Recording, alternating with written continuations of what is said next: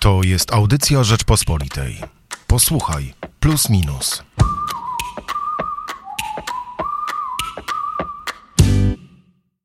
W Europie jest kilka monarchii. Większość społeczeństw, w których rządzą królowie, jest z tego faktu zadowolona. Czy w Polsce w ogóle jest możliwy powrót monarchii? To dosyć kontrowersyjne i prowokacyjne pytanie. I takim prowokacyjnym tematem postanowiliśmy otworzyć najbliższego plusa minusa. Hubert Salik. I Michał Płociński. Jak Michale sądzisz, czy w ogóle hipotetycznie nawet Polska mogłaby z powrotem kiedyś zostać monarchią? No właśnie jako problem teoretyczny mam wrażenie, że jest to ciekawe pytanie. W ogóle zastanawianie się nad takimi nieoczywistymi rzeczami otwiera nam chyba kilka takich, nazwijmy to, zbiorów tematycznych, nad którymi warto się zastanowić, bo to jest e, pewna analiza w ogóle e, sytuacji politycznej, e, ustroju państwowego, którą zazwyczaj gdzieś tam już zostawiamy w tyle i uznajemy, że wszystko, co mamy, to jest oczywiste i nie do zmiany.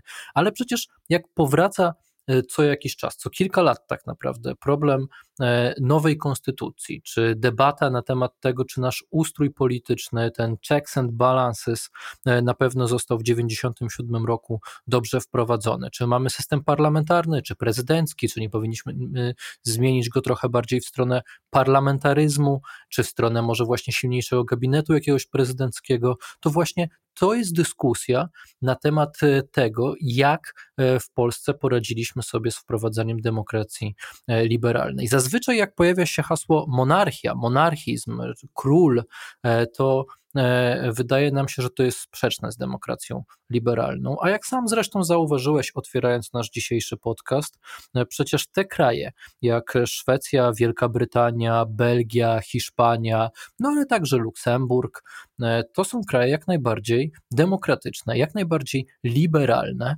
tylko właśnie tamten król, władza monarsza E, pozostała ze starych e, czasów i jakoś się jednak sprawdza. Daje jednak e, kilka takich elementów systemowi politycznemu, które pomagają go ustabilizować, daje jakieś poczucie przynależności do wspólnoty, którą reprezentuje ta konkretna osoba, króla czy też e, królowej, ale chyba najważniejsze jest tutaj to, e, właśnie co już tak mniej więcej zaznaczyłem, że, że ten system po prostu pozostał. On nie został wprowadzony ponownie, tylko on e, jednak konsekwentnie tam istnieje. A w Polsce, no, ta władza królewska została przerwana e, co najmniej w 1918 roku, ale raczej chyba wszyscy zgodzimy się, że wraz z trzecim rozbiorem e, Polski. Więc to jest zupełnie inna sprawa, czy da się z powrotem tą monarchię przywrócić, niż e, czy monarchia jest w stanie funkcjonować wraz z demokracją liberalną. Chyba ze mną się zgodzisz jak widać, jest w stanie funkcjonować. Ci z Państwa, którzy nas słuchają, gwoli wyjaśnienia. E, nie, nie spadliśmy z kosmosu. Wiemy, że jest to e, temat prowokacyjny, trochę zabawowy, e, gdyż no, powrót monarchii jest w zasadzie, moim przynajmniej zdaniem, wielu z Państwa nieprawdopodobny i niemożliwy. Dlatego zastanawiamy się tylko, co by było gdyby. Ale są kraje, gdzie to nawet sprawnie funkcjonuje powodem tego, powodem, dla którego piszemy o, o tym temacie, jest to, że w tym roku, w ciągu ostatnich paru lat, w Polsce uaktywniły się różnego typu nie tylko ruchy monarchistyczne, ale mamy też oficjalnie, nieformalnego, ale oficjalnego króla e, Lecha XI Wojciecha Edwarda I. E, do końca nie wiemy, dlaczego akurat taka tytulatura, ale o tym pisze Bogusław Hrabota. Zdążył też już na naszego redaktora naczelnego rzucić infamię z Wanicją. Nie jest chyba jedynym. Jedyną ofiarą e, Lecha XI Wojciecha Edwarda I. No, teraz. Mhm. Powiem ci, że mam wrażenie, e, że jeżeli szukamy jakichś dowodów na to, że Lech XI, e, Wojciech Edward czy Edward Wojciech, jak to jest po kolei? Wojciech Edward. Wojciech Edward I. Kompletnie nie, nie rozumiem, dlaczego tu jest i Lech XI i Wojciech Edward I w, ze sobą zestawiony razem, ale jeżeli szukamy jakiegoś ostatecznego dowodu, że jest oderwany od rzeczywistości, co najmniej od rzeczywistości społeczno-politycznej, e, to jest właśnie e, zaatakowanie e, naszego redaktora naczelnego, bo Bogusław Hrabota nigdy nie ukrywał swoich umiarkowanych, ale jednak sympatii dla monarchii. W w wielu redakcjach pracował i, i, i, często wypowiadał się, że, że to wcale nie jest taki e, głupi pomysł, a w najnowszym magazynie Plus Minus e, no, dał temu e, dowód, pisząc moim zdaniem bardzo ciekawy, prowokacyjny, ale zawierający w sobie dużo argumentów za przywrót, po powrotem monarchii artykuł, czy też esej, czy król jeszcze powróci. I jeżeli e, Lech XI, e, już zostańmy przy tym samym Lechu, dobra, bo za, za dużo tej tytulatury. Jeżeli Lech XI nawet Bogusława Hrabotę atakuje, który mógłby być jego sprzymierzeńcem w e, polskim medialnym e, mainstreamie, e, to znaczy, że on tych sprzymierzeńców nie szuka, nie rozumie świata, w którym, w którym się, się obraca i po prostu chce pozostać wyłącznie w swojej niszy. Nie uważasz?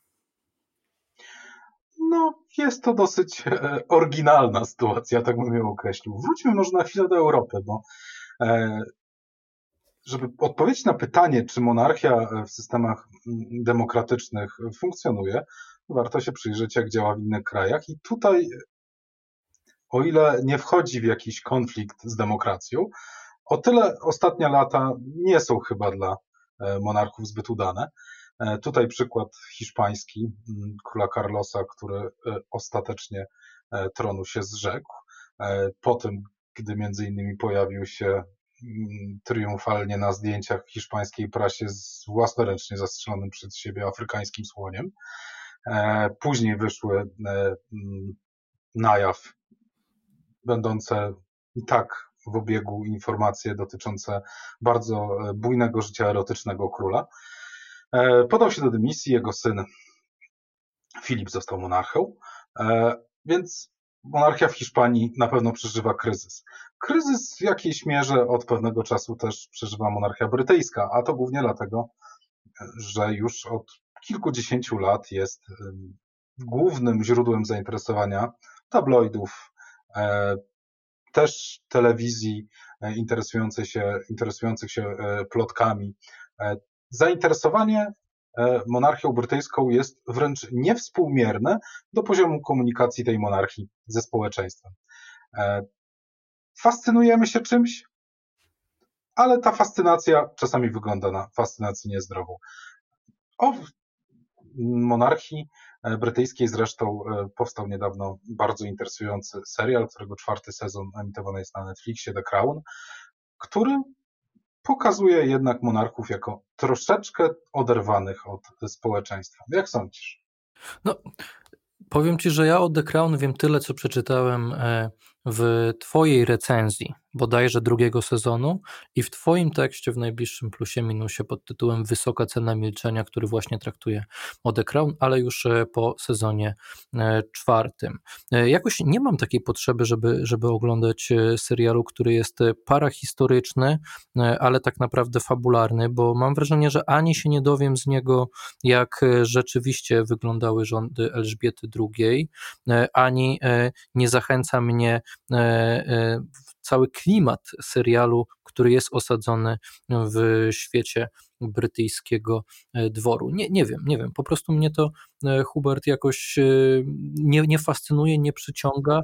Tak I wolałbym tak... pograć, wiesz, w cyberpunka. To jest bardziej taki klimat, który mnie, mnie pociąga, nie? niż brytyjski dwór.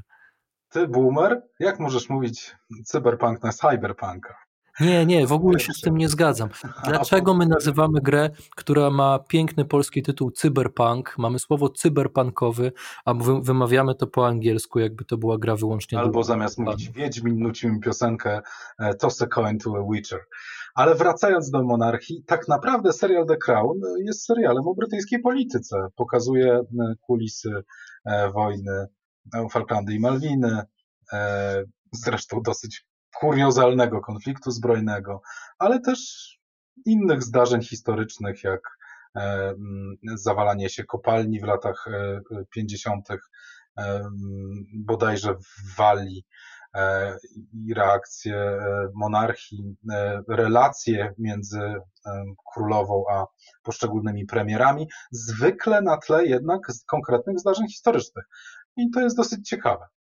No właśnie, ale sam fakt, że tyle osób chce oglądać e, serial w takim klimacie, że tyle osób chce czytać w tabloidach o losach e, monarchii, e, chyba pokazuje, że ta monarchia cały czas ludzi podnieca, że wzbudza jakieś emocje. O tym właśnie pisze Bogusław Krabota. To jest jeden z takich argumentów, który jest przez niego podnoszony, który pokazuje może nie to, że monarchia na pewno jest lepsza niż system prezydencki, czy system taki stricte parlamentarny, wyłączający monarchię, czy nawet jakiegoś e, stałego przywódcę, e, takiego, który ma jakieś większe kompetencje. Tylko mm, Bogusław Hrabota pokazuje, że monarchia jest inna, prawda? Że ma też swoje zalety. Ma oczywiste wady, o których zazwyczaj ludzie, ludzie mówią. To jest skojarzenie z jakimś starym feudalnym systemem, z systemem takiego zamkniętego podziału klasowego, czy nawet kastowego, ale jednak ten król w momencie, kiedy zdarzyłoby się tak, a prawdopodobnie zazwyczaj jednak król, który jest szykowany do swojej roli, przejmuje po swoim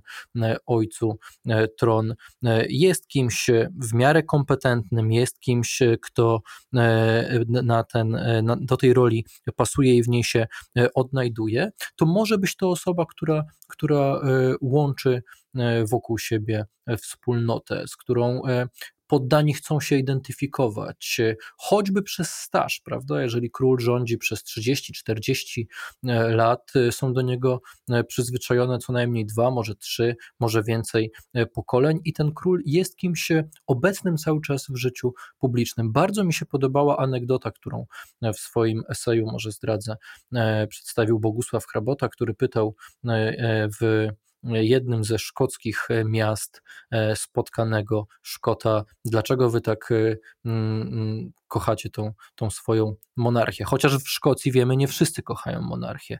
No ale ten człowiek odpowiedział Bogusławowi Hrabocie prostym zdaniem, przynajmniej co kilka lat nie musimy wybierać jakiegoś idioty na prezydenta. Myślę, że to jest argument, który wielu ludzi może przekonać do monarchii, nie uważasz?